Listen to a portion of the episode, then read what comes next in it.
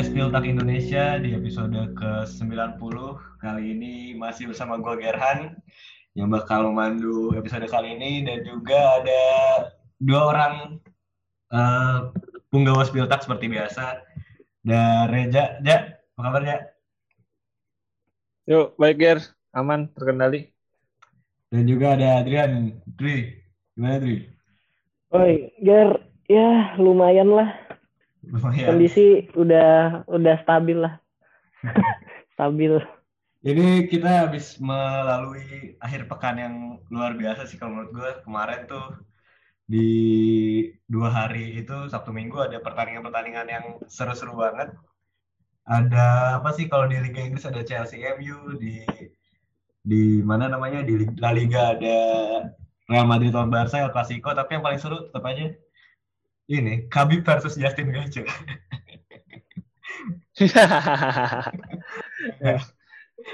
yang paling seru yang paling seru tentu saja ada Revier Derby ya kan kemarin uh, Dortmund lawan Schalke. Uh, gimana Dri? Mungkin perasaan lu setelah melihat tim lu nih akhirnya kembali ke jalur kemenangan kan setelah Lazio uh, kalah eh mengalahkan Dortmund tuh di tengah pekan tuh.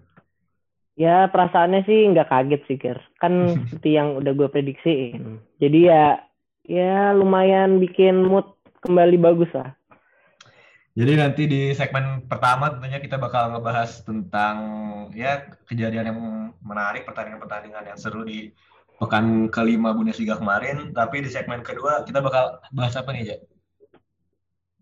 Di segmen kedua kita bakal ngebahas tentang apakah Marco Reus ini masih layak jadi kaptennya Dortmund, ya kan? Dari komentarnya Didi Haman yang bilang katanya, lu kalau pengen jadi juara nggak bisa, kapten lu cuma main setengah pertandingan aja dalam semusim gitu. Bener, ini rame banget sih kemarin di sosmed ya. Lumayan dapet reply yang cukup banyak, jadi banyak ini fans-fans Dortmund pada keluar kayak kemarin. Uh, jadi mumpung lagi ngomongin Dortmund langsung aja kita ke pertandingan yang paling dinanti-nantikan di pekan kemarin ada Derby Derby yang dimenangkan oleh Dortmund dengan skor 3-0. Gimana Dri? Mungkin dari lu dulu lah. Ini kan lu sebagai fans Dortmund melihat timnya bangkit kembali setelah kekalahan di tengah pekan lawan Lazio.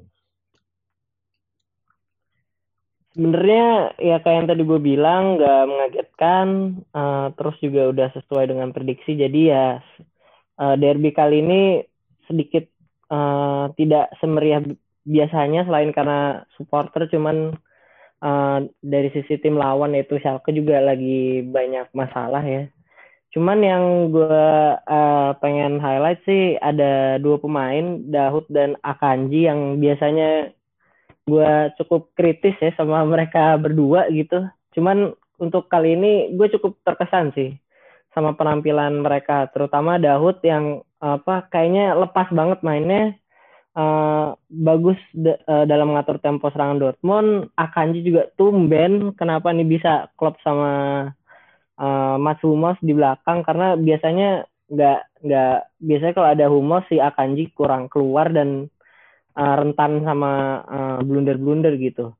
Uh, terus juga ini sih, kalau menurut gue babak pertama trio Halan, Sancho, Reina masih harus harus apa ya? Masih harus diasah lagi lah karena praktis kalau menurut gue di babak pertama itu cukup membosankan dan serangan dari Dortmund itu stagnan. Nah, baru ketika pecah pecah kebuntuan waktu gol Akanji itu udah permainan udah 100% dikuasain Dortmund dan akhirnya uh, nutup laga dengan skor 3-0. Cuman ya kalau kalau performanya terlalu naik turun begini agak ngeri juga sih. Uh, lini serangnya kadang suka nggak terlalu nggak terlalu nyetel gitu. Harus nunggu waktu yang lama dulu baru uh, mulai bisa ngeluarin performa terbaiknya gitu. Hmm. Ya menarik sih, gue lihat juga di babak pertama memang Schalke bermain cukup rapi ya di belakang. Dan juga kalau kata lo Dahut dan Akanji bermain baik, mungkin karena lawannya Schalke aja sih. Nah, itu juga sebenarnya yang gue ya, agak ngerinya nih. Nah, kalau menurut lu ada gimana aja? semangatnya Schalke juga. Nah, kalau menurut lu gimana aja Eh, di pertandingan Revier Derby kemarin tuh udah sesuai ekspektasi lo apa gimana nih? Apa belum? Ya sebenarnya gue ngiranya sih kan dari yang sebelum-sebelumnya mau seburuk apa pun Schalke di liga gitu ketika dia lawan Dortmund biasanya keluar gitu kan cuma kalau gue lihat kemarin sih ya mungkin udah ada sedikit perbaikan lah daripada zamannya si David Wagner. Cuman kalau kita lihat ya mau nggak mau Manuel Baum nggak bisa merubahnya dengan cepat karena dia masuk kan di pertengahan musim. Jadi gue rasa ini sangat sesuai prediksi secara hasil dan gue jujur kecewa dengan performanya Schalke sekali lagi. Cuman ya gue nggak bisa mengharapkan terlalu banyak juga sih dari Schalke. Jadi ya hasil yang cukup fair lah secara permainan juga. Hmm. Dan kayaknya nggak yang paling kecewa kemarin tuh ini sih fans Schalke yang datang satu-satunya tuh ke dalam Signal Iduna enggak enggak kecewa kenapa enggak kecewa dia nah. karena dia ini dapat dapat jersey tanda tangannya Malik Tiau sama di, diundang langsung ke kandangnya ke pertandingan besok lawan Oh. Jadi setelah gue baca-baca dia katanya setelah gol ketiga langsung pulang dan ternyata dia dapat tiketnya dari temennya tuh temennya fans Dortmund ternyata. Kirain mau ngejekat ngejekat ini dulu uh, tim Schalke dulu ya sepulang pertandingan. Sendiri di, iya, di, di sama Mas. Kalau dari masalah Schalke apa nih dari menurut lu dari? ya terla apa ya kayak bukan tim sebesar Schalke yang dulu lah yang beberapa musim lalu sempat jadi runner up dan gue nggak ngelihat ada bekasnya sama sekali gitu dari kejayaan-kejayaan ya bisa dibilang yang paling dekat kan kejayaannya era Tedesco lah ya, yang jadi sampai runner up ya praktis sudah nggak ada gitu hmm. dan mungkin ini juga uh, kalau sampai terlalu lama Schalke terjebak dalam situasi seperti ini bukan gak mungkin juga gitu status uh, Shark sebagai tim besar itu juga ikutan terancam gitu Ger karena kalau lihat dari uh, pemainnya juga ini sudah permainan apa uh, sekumpulan pemain yang terbaik lah yang dipunyai Schalke cuman dari segi apa statistik aja uh, jauh banget uh, di bawah bayang-bayang Dortmund gitu dari pertandingan kemarin jadi masih kita perlu tunggu sih uh, gimana Manuel Baum ini bisa merubah Schalke jadi uh, yang dulu-dulu lagi gitu. Ya paling ini aja sih, Dri. Kalau Schalke ini kan sebenarnya buat Schalke kekalahan lawan Dortmund ini kan expected loss gitu. Jadi emang udah terprediksi hmm. dan udah diperhitungkan. Mungkin kita bakal lihat nanti ketika lawan tim-tim yang sepadan di papan bawah, apakah dia bisa ngeraih poin apa enggak ketika lawan Mainz, lawan Köln, lawan Arminia Bielefeld. Nah kalau di situ misalnya masih kalah atau seenggaknya gagal bisa dapat poin yang banyak di pertandingan-pertandingan itu ya mau nggak mau sih kita bakal lihat si Schalke ini berjuang untuk di zona degradasi sepanjang musim kayaknya. Hmm, iya benar-benar. Dan kalau dilihat dari secara permainan kemarin juga apa ya dari lihat daya juang terus juga gimana minimnya peluang yang diciptakan di pertandingan kemarin sih gue nggak melihat ada perubahan yang sangat signifikan ya dari Manuel Baum walaupun di pertahanan tuh adalah 60 menit eh 50 menit pertama tuh udah oke. Okay. Padahal uh, Kutucu udah main ya, Ger? Kutucu udah main, Bang. Udah Kutucu. Ini sangat berbeda jauh dengan uh, tim papan bawah saingannya Schalke juga ini dengan Mainz yang kemarin sebenarnya tampil sangat luar biasa terutama di babak pertama ya kan berhasil merepotkan Borussia Mönchengladbach dan sayangnya kalah juga sih dengan skor 2-3. Cuman di babak pertama mereka berhasil unggul 2-1 Eh, dan di babak kedua ya Marco Ros akhirnya harus terpaksa memasukkan pemain-pemainnya tuh, pemain-pemain intinya. Tadinya dia memulai pertandingan dengan pemain-pemain kedua lah ya bisa dibilang si Markus Thuram nggak main, Pelea nggak main, Hoffman nggak main. Tapi begitu di menit 50-an masukin pemain itu semua dan hasilnya mereka bisa comeback. Nah ini sebenarnya jadi pertanyaan tuh, ini kita ngelihat tanda-tanda lah dari Marco Ros kalau dia emang udah mencoba untuk merotasi pemain, mencoba menyiapkan seenggaknya ada dua tim untuk bisa fokus di dua kompetisi. Tapi kalau kita lihat dari pertandingan kemarin sih di babak pertama tuh udah kalah sama Mainz, udah menjadi warning belum menurut gue Kalau dibilang warning sangat-sangat warning ini karena uh, masalah tim Jerman sekali lagi kan kesenjangan antara tim utama sama tim cadangannya gitu. Dan kemarin kita lihat ketika Gladbach main Oscar Van, mainin Rock Forage uh, debut. Hmm. Christoph Kramer, Tony Janske ya kan bener-bener nggak jalan sih apa yang diinginin sama Marco Rose dan gue rasa ini jadi masalah khususnya di dua pekan ke depan karena setelah lawan lawan Mens ini dia bakal ngelawan Real Madrid, habis itu ngelawan RB Leipzig, habis itu ngelawan Shakhtar Donetsk, habis itu ngelawan uh, Bayer Leverkusen. Jadi emang tim-tim yang yang yang papan atas semua. Jadi emang bakal diuji lagi tuh Marco Rose apakah bakal nyoba rotasi pemain atau bakal maksain tim utama kayak kata lu tadi.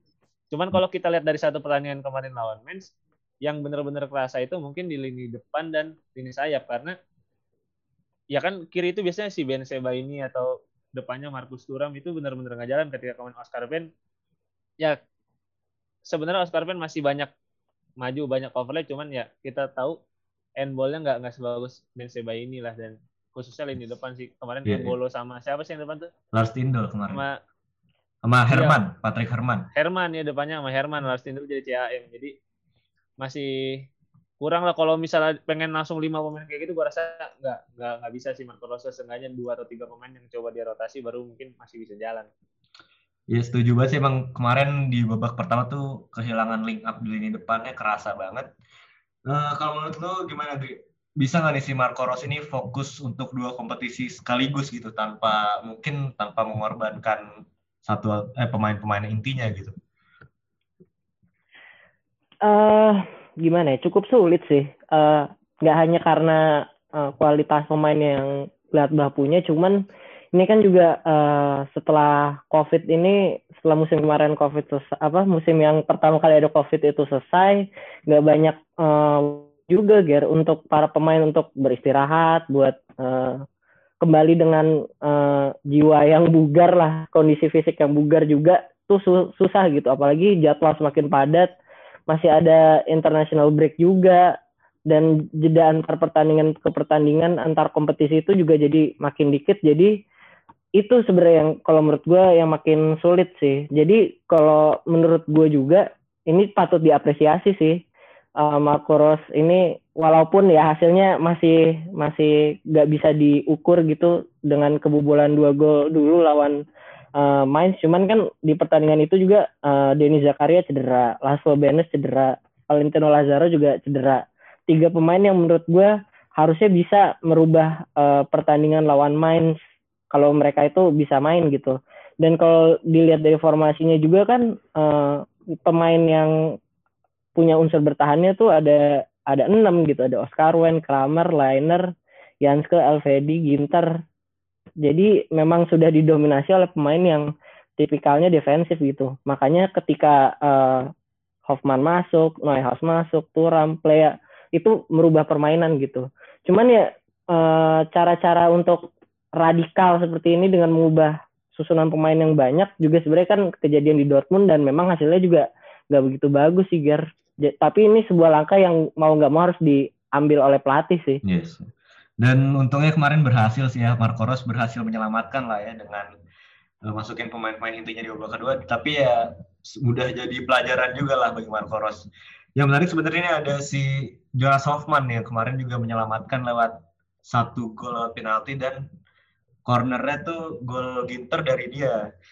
Menurut gue Mark, eh, si Marco menurut gue si Jonas Hoffman ini musim ini bakal jadi vital banget sih karena emang udah cetak dua gol lima asis bahkan di musim terbaiknya bersama Dortmund pun dia cuma dua gol enam asis jadi cuma butuh satu asis lagi untuk memiliki musim terbaiknya ya kan empat empat gol lima asis Ger di semua ajang Oh iya, semua ajang ya. Kalau gue lihatnya di Bundesliga doang sih. Iya benar-benar. Iya, di, di semua ajang udah empat gol lima asis dan secara kebetulan gitu ya, uh, dua pemain yang paling berpengaruh di Gladbach musim ini dua-duanya Dortmund reject ya, Dik. Hoffman sama Ginter. Iya. iya benar. Jadi jadi jago malah pi pas waktu pindah. Aduh. Gue ngeliatnya jadi kayak ada perubahan taktik gitu sih di Marco Ros musim ini. Kalau musim lalu main dengan 4-3-3, sekarang 4-2-3-1 dan ya nggak beda-beda jauh banget sih hasilnya sementara. Lanjut ke pertandingan selanjutnya ada Leverkusen yang menang 3-1 lawan Augsburg. Pertandingan yang paling terakhir nih baru banget malam ini ya berarti ya. Tadi pagi ya berarti kalau kita rekaman hari Selasa. Alario menjadi pahlawan nih di pertandingan ini dengan mencetak berapa gol sih ya kemarin Alario? cetak brace. Brace ya dua gol Alario. Gimana nih? Ini bakal menjadi mungkin Peter Bos bakal pusing nih melihat gimana Alario tampil bagus tapi Patrick Schick juga baru dibeli musim ini. Menurut lo gimana aja persaingan antara dua striker ini nih? Uh, ini kan menarik sebenarnya. Ketika di awal musim itu Kevin Volland sama kayak Havertz pindah langsung beli Patrick Schick dan langsung dijadiin pemain utama. Di pekan kedua dan pekan ketiga itu udah jadi starter tuh si Patrick Schick.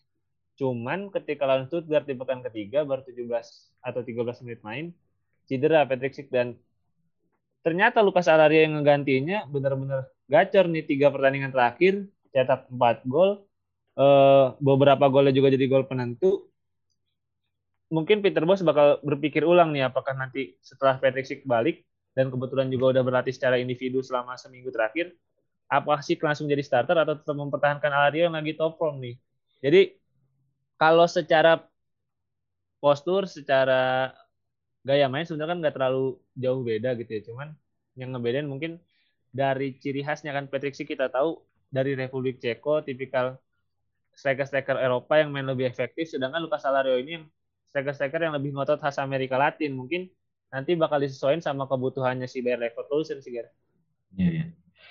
Uh, kalau menurut lu gimana dari di dua lu lebih suka siapa lah kalau tuh ini?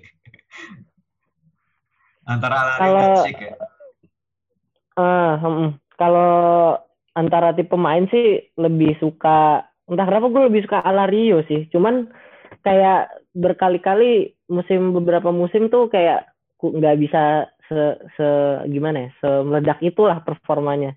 Cuman ya ketika lawan Augsburg kemarin cetak dua gol dan momennya pas banget ketika Sik juga cedera ini sebenarnya yang bikin pusing Peter Bos sih kalau menurut gue karena di uh, formasinya juga ini uh, cuman ada dua pemain yang kasarnya baru kan gitu eh Palacios yang uh, musim kemarin walaupun udah dibeli ya dari musim kemarin ya kalau nggak salah baru uh, jarang dimainin. Terus juga Alario kan yang kadang-kadang dicoba aja jadi super sub gitu.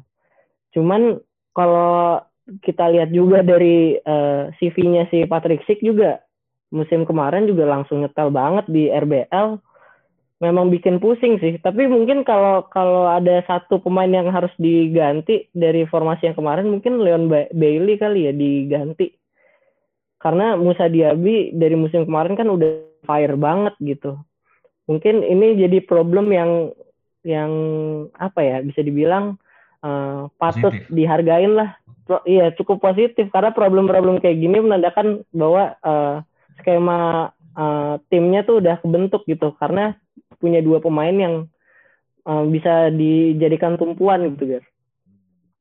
Cuman kan itu ininya, Ger. Apa, apa tuh? Uh, problem yang membuat senang gitu ya. Cuman hmm. kemarin di pertandingan kemarin Iya, benar. Pro problem yang membuat sedih ternyata Peter Bos. Lars yeah. Bender cedera hanya beberapa pekan setelah uh, Santiago Arias cedera Arias, bersama ya. timnas kan. Jadi yeah. Arias cedera, Lars Bender cedera. Kalau Lars Bender ternyata cedera cukup lama, pilihan berikutnya harusnya kan logikanya Mitchell Weiser, ya hmm. ya kan? Cuman yeah. si Detut ini ternyata sebegitu tidak dipercayainya oleh Peter Bos sampai kemarin yang dimainin di bek kanan Alexander Dragovic ya kan. Jadi di di benchnya Leverkusen penggunaan ada, sih sebenarnya itu. di yeah, benchnya yeah. Leverkusen ada tiga Detut kemarin yang saking gaji percayanya tuh belum main kalau nggak salah musim ini ada Tim Jetfy, ada Mitchell Fraser sama si Wendell. Gue nggak tahu Wendell udah main apa belum. Sama Jonathan Tah juga udah akhir-akhir ini udah, udah jarang main kan. Iya gue liat kalau Peter Bus kalau nggak suka main kayak gitu ya, suka bener-bener nggak dimainin. Padahal Mitchell Fraser nih lumayan lah ya. kayak klub ya, kayak klub bener-bener. Kalau udah nggak suka, udah mau dia gimana juga nggak bakal dipilih lah. Nah ada lagi nih yang cedera juga uh, dan cukup parah juga sih menurut gue ini ada Alfonso Davis yang cedera di pertandingan Bayern kalah menang 5-0 lawan Eintracht Frankfurt nih. Ini menurut gue sangat uh, mengganggu flow-nya Bayern Munchen banget sih walaupun kemarin Bayern tanpa Alfonso Davis pun yang diganti menit berapa sih kemarin ya? Menit ketiga ya kalau nggak salah ya? Iya, cepet banget pokoknya udah ganti. Itu tanpa dia pun mereka bisa menang 5-0 nih. Gimana tuh? Ja? beruntungnya sih untuk Bayern ketika Alfonso Davis ya Alfonso Davis ini kan sebenarnya rotasional player lah sekarang jadi ganti-gantian sama Lucas Hernandez kan. Beruntungnya Lucas Hernandez lagi top form sih sama Bayern. Jadi sebenarnya Peter Bos eh Peter Bos sebenarnya Hansi Flick nggak nggak harus terlalu pusing karena si Lucas Hernandez juga bagus. Seandainya Lucas Hernandez nggak bisa main, dia bisa rotasi David Alaba kembali ke kiri. Atau kalau misalnya nggak bisa main juga bisa Benjamin Pavard di kiri, kanannya Joshua Kimmich. Jadi ya Bayern masih dalam banget dan nggak hmm. pusing Peter Bos gitu sih Hansi Flick. Nggak harus uh, mainin Dragovic. iya nggak, harus maksain Jerome Boateng bisa main di back kiri kan. Cuman yang gue lihat sih uh, Bayern ini bisa merespon dengan baik kekalahan dari Hoffenheim di pekan ketiga waktu itu kalau nggak salah. Dan langsung abis itu kayak nggak ada bekasnya sama sekali dia tuh kalah lawan Hoffenheim.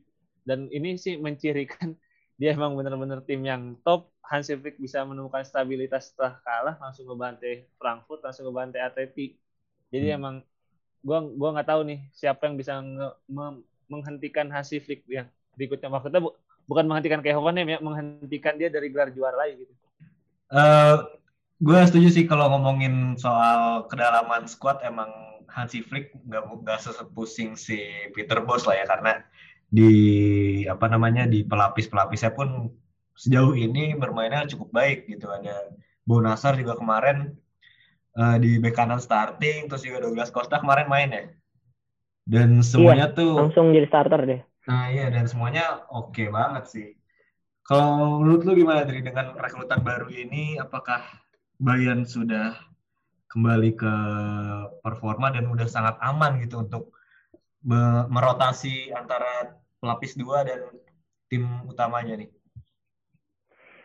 Kalau untuk Douglas Costa sendiri kan udah sempat dua musim ya kalau nggak salah di Bayern Munchen dan ketika lihat pertandingan kemarin memang langsung uh, dijadikan focal point dari serangan Bayern lah ya oleh Hansi Flick bersama juga Kingsley Coman. Jadi uh, kalau sepengamatan gue singkatnya sih uh, sudah punya chemistry yang bagus antara dia sama Lewandowski dan Kingsley Coman karena posisinya suka swap wings gitu Ger. Jadi udah sudah senyaman itu uh, Douglas Costa main di Bayern. Cuman kalau dari ngelihat dari yang dilapisinnya kan itu sebagai pelapisnya kan uh, apa sebagai uh, pemain cadangannya Leroy Sané terus Gnabry kan juga ada masalah tentang covid itu kan jadi dia nggak bisa main menurut gue sih menandakan bahwa gap antara tim keduanya Bayern sama tim ke pertamanya Bayern semakin tipis sih dengan adanya uh, Douglas Costa ini. Cuman yang jadi masalah kalau menurut gue pemain-pemain gue masih kurang percaya pemain-pemain macam Mark sama Cupo Moting sama Bu Nasar sih sebenarnya gue nggak bisa bohong sih.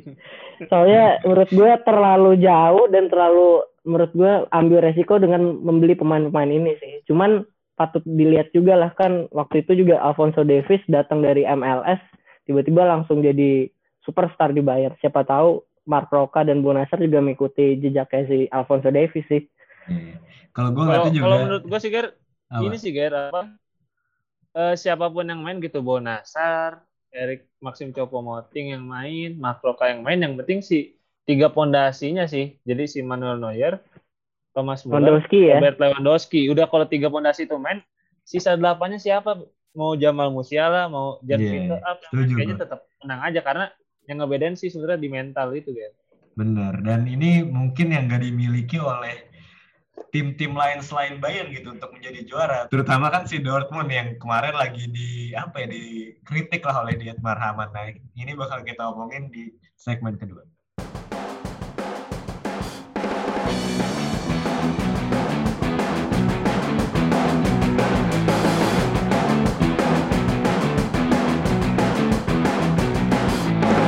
Pekan ini salah satu legenda Bayern dan juga mantan pemain Liverpool, Dietmar Hamann melontarkan komentar yang mendapat cukup banyak respon, baik itu positif maupun negatif. Jadi, Dietmar Hamann ini mengungkapkan bahwa Dortmund saat ini sangat kekurangan mentalitas dan juga leadership.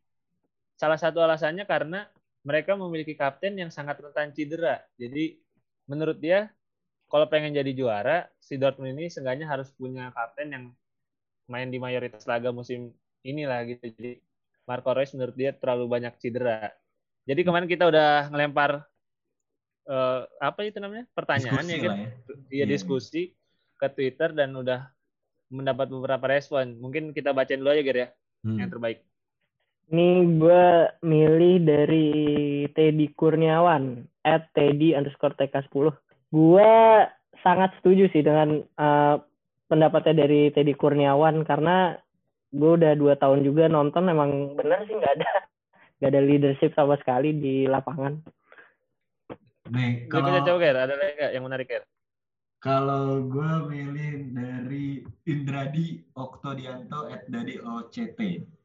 Dia juga sama sih setuju jawabnya karena sejak dia dia lebih spesifik nih karena nyebutin pemainnya. Sejak eranya Kel, Owomoyela dan Dede pensiun agak gimana gitu mentalnya. Dan Reus bisa jadi panutan, tapi untuk membangkitkan mental kayaknya belum bisa sih. Ngarepnya sih Hummels awalnya, tapi karena sempat pindah ke Munchen, jadinya jadi kurang percaya pemain muda sama si Hummels gitu katanya. kalau gue mungkin bacain satu lah di Instagram ya kan kita belum pernah nih baca Oh, di bener. Instagram Keren banget udah dua platform. multi platform sekarang Swiltak ngeri Eh, ada dari Gibran R A R S Y S. Katanya ini kan kalau IG panjang ya nggak ada maksimal karakternya. Sebenarnya setuju tapi ada kejadian serupa di mana kapten cuma main di satu babak atau main di cadangan gak ada pengaruhnya. Persib waktu zaman 2013 2015 di mana mereka dua kali dapat juara juga kan gitu kejadiannya mirip-mirip lah kapten utamanya Atep tapi lebih sering jadi cadangan. Jadi pas kick off kaptennya Firman Utina begitu Atep masuk di babak kedua ban kapten langsung pindah jadi mungkin sebenarnya yang diperlukan sama Dortmund itu adalah pemain yang punya mental pemimpin juga meskipun dia bukan kapten jadi ya meski- meskipun Royce nggak main full tetap ada sosok leader di lapangan Yes, yes. Ngerti, ngerti, gua ngerti. eh jadi komentar yang menarik ya. Maksudnya Hmm. berbeda daripada yang kebanyakan. Cuman kenapa gue ngambil komentar ini karena sebenarnya pada tahun 2010-2011 ketika pertama kali juara sama Jurgen Klopp, sang kapten Sebastian Kiel itu cuma main 9 atau 12 kali gitu di Bundesliga Dortmund. Jadi kalau dari poin yang gua rangkum sih ya, nah, ini gua rangkum ribet.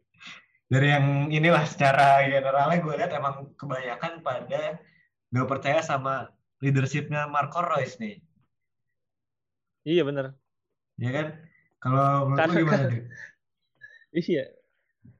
eh kalau eh, nggak percaya sih, gue bisa bilang setuju sih karena menjadi kapten kayaknya Marco Reus ini kayak semacam apa ya? Dikasih lah karena dia udah ada loyalitas bukan karena kemampuan dia untuk menjadi panutan, jadi pemimpin gitu ya.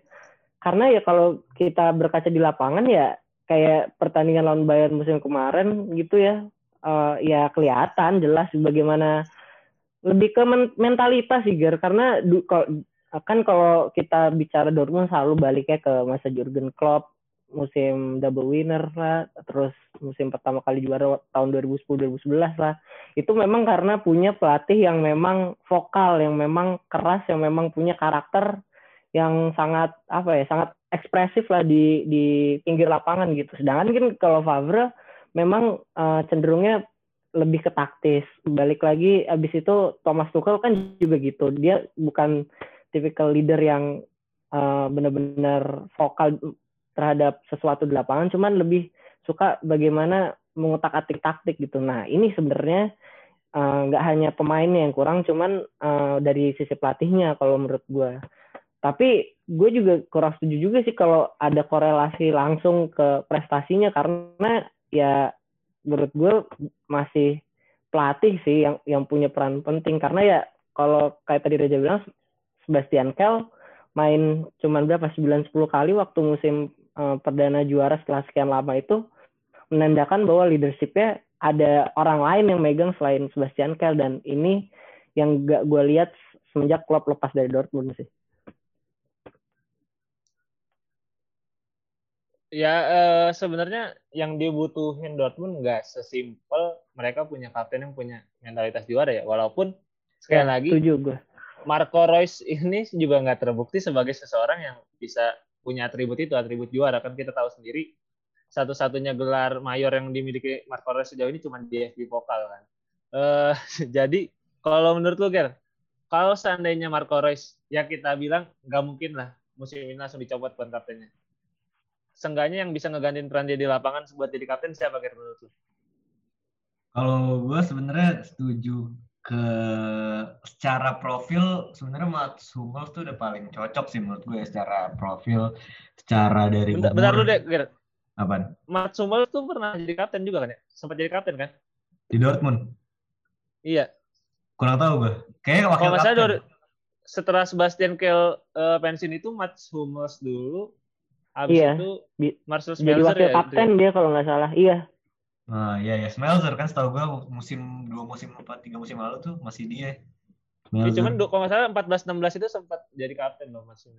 Nah iya makanya gue gue ngeliat eh, Mats Hummels ini juga cocok gitu misalkan Marco Reus nggak eh dicopot ban kaptennya gitu. Cuman gue juga setuju sama lu berdua ini lebih dari sekedar leadership seorang Marco Reus sih kalau gue lihat juga ada peran mentalitas yang dibangun sama pelatih juga.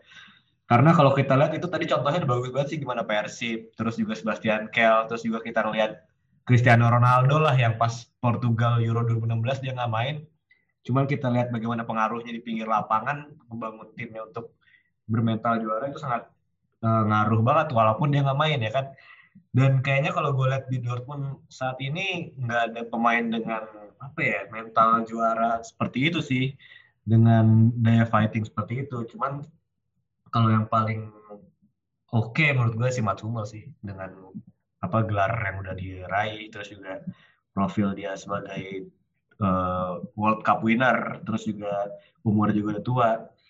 Kalau untuk yang kedua gue ada mungkin yang menarik tuh Emre Can sih karena gue lihat ini pemain sangat apa ya sangat vokal di lapangan terus juga punya daya fighting yang sangat luar biasa gitu di mana kita ngeliatnya juga di pertandingan kemarin lah yang gak bisa jauh-jauh tuh eh kemarin bukan Emre Can Delani Ya, pokoknya setipe kayak gitu. Emre Can juga suka marah-marah juga ya kan di lapangan kalau di pemain Dortmund tuh kebanyakan pemain muda yang ya udah di tackle ya udah jalan aja terus gitu kan. Nggak jangan sampai kayak di pertandingan Der Klassiker musim lalu tuh yang gue inget banget gimana seharusnya si Erling Haaland tuh ngenain tangannya Jerome Boateng cuman nggak ada satupun pemain Dortmund yang mencoba mengintimidasi wasit gitu karena ya itu mungkin belum ada yang punya mental fighting atau mental juara sih menurut gue.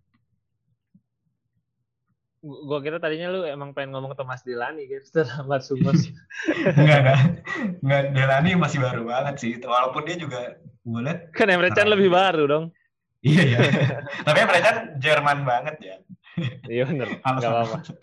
Ta- Tapi gue juga setuju eh, sama lu sama Adri itu tadi khususnya yang bilang eh, selain pemain yang gak punya mental juara, faktor pelatih juga ngaruh banget. Gue rasa Lucien Favre sekali lagi bukan seorang pelatih yang bisa membawa sebuah klub konsisten menjadi juara. Ditambah lagi itu pemain-pemain yang masih muda kayak Jude Bellingham, Jadon Sancho, eh, Erling Haaland, Giovanni Reina, emang pemain-pemain yang punya potensi sangat tinggi tapi kan emang belum pernah jadi juara aja gitu mungkin emang belum saatnya aja untuk naik pemain-pemain itu kan Eh kalau menurut lu Eh, kan lu udah jadi fans Dortmund nih. Ya 10 tahun berarti ada ya? bisa dibilang cukup lama gitu. Menurut tuh iya. Menurut lu Ada sih. lu pengennya nih eh, kapten yang seperti apa? Karena kalau menurut gua sejauh ini kapten yang paling eh, sukses di Dortmund itu ada tiga kalau menurut gua. Ada Sebastian Kiel ada eh, Mi- Michael apa? Michael Zorc sama Stefan Reuter ya kan? Kalau menurut lu yang kayak gimana tuh yang cocok? Sebenarnya gue lebih suka sama Sebastian Kehl sih. Jadi eh, ya itu tadi benar nggak harus di lapangan, cuman eh, apa ya keberadaan dia tuh dibutuhkan tim gitu. Sedangkan kalau sekarang eh, Marco Reus gak ada ya ya udah gitu kayak kayak pertandingan berjalan aja gitu. Dan nggak ada belum ada yang mampu mengisi role yang ditinggalkan Marco Reus sebagai leader sih. Kalau nggak tahu kenapa kalau gue ngelihat Mats Hummels semenjak pindah dari Bayern kayak nggak tahu ya kalau gue jadi kurang gimana ya kurang bisa ngasih respect mungkin gitu ya karena pindah ke Ah. tim rival sih gitu. Atau atau mungkin dia Sedangkan- juga nggak enak juga Hmm. kan mungkin sama sesama Nah, pemain Dortmund. gue gue juga gue juga cenderungnya ke situ. Gue gue nggak bisa banyak ngomong karena ibaratnya gue punya punya apa ya punya kesalahan lah di kunciannya ada di smell ya, dia gitu macam ya. Iya gue sih sebenarnya lebih pengennya ke Pisek sih. Atau Ah. bener kata Gerhan Emre Can karena Emre Can nih bisa dibilang karakternya beda sendiri nih. Di tackle dikit udah marah-marah lah. Udah nunjukin gestur yang kesel lah sama tackle-tackle kecil atau dorongan-dorongan yang sebenarnya nggak nggak berbahaya sama sekali gitu. Kalau pemain Dortmund ya kayak ya kayak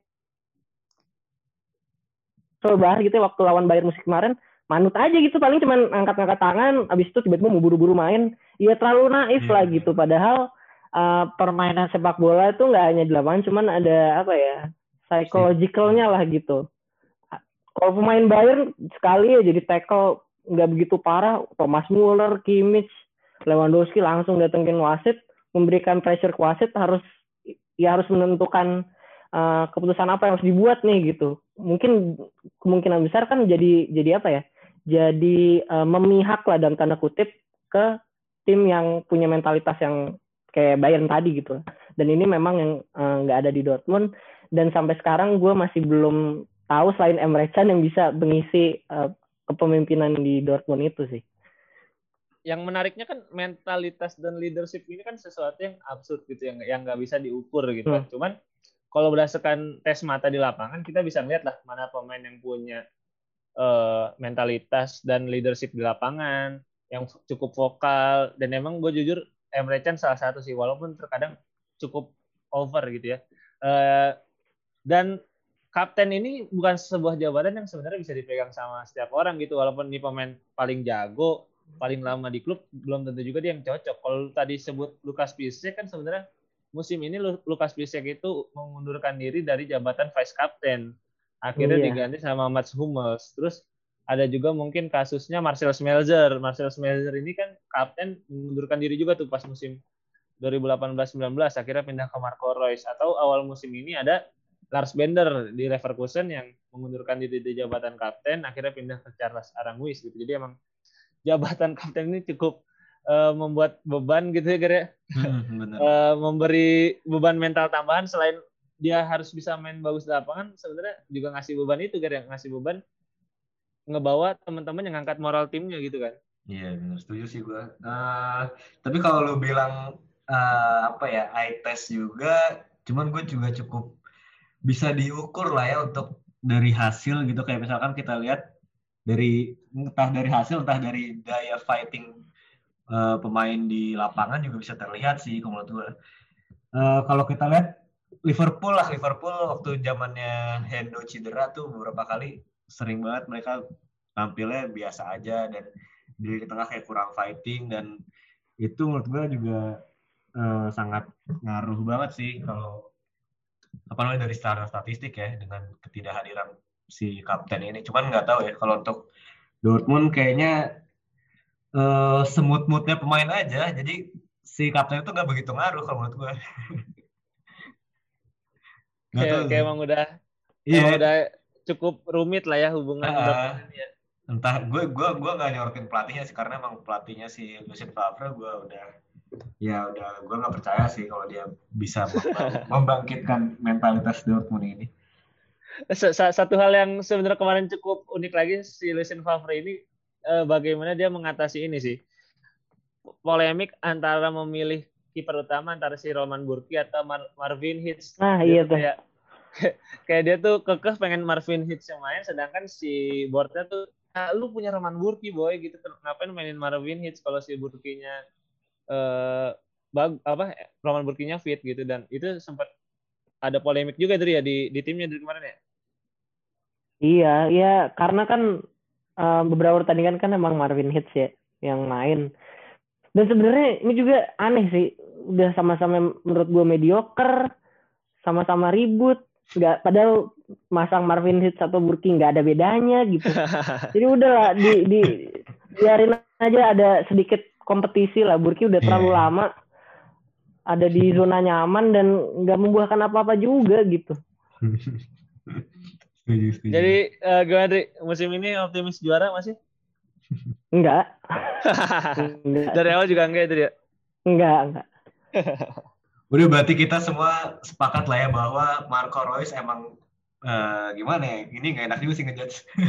Marco Reus emang ya masih, masih tergantikan lah. Maksud gue masih tergantikan untuk jabatan kapten. Cuman ya kita lihat aja gimana kiprah Dortmund musim ini. Apakah emang hal ini sangat berpengaruh besar ataukah Dietmar Haman salah selama ini atau apakah benar itu bisa kita lihat di akhir musim nanti lagi sih. Paling gitu aja di episode kali ini aja. Untuk ya, mungkin di pertengahan pekan juga ada Liga Champions ya. Nah iya, ini malam Sama Europa League. Malam ini kita sebenarnya rekaman malamnya udah Champions League lagi dan ada pertandingan yang seru-seru banget sih menurut gue ini.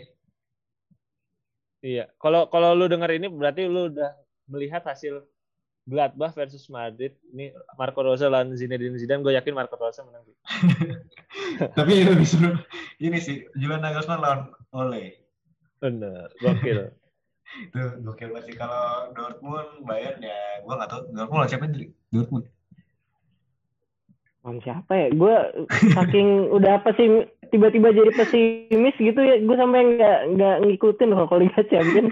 ya udah, ya udah. Kalau gitu oke okay deh. Uh, gitu aja di episode kali ini. Gue Geran pamit. Gue Reza pamit. Gue Adrian pamit. Terima kasih yang udah mendengarkan. Sampai jumpa di episode berikutnya.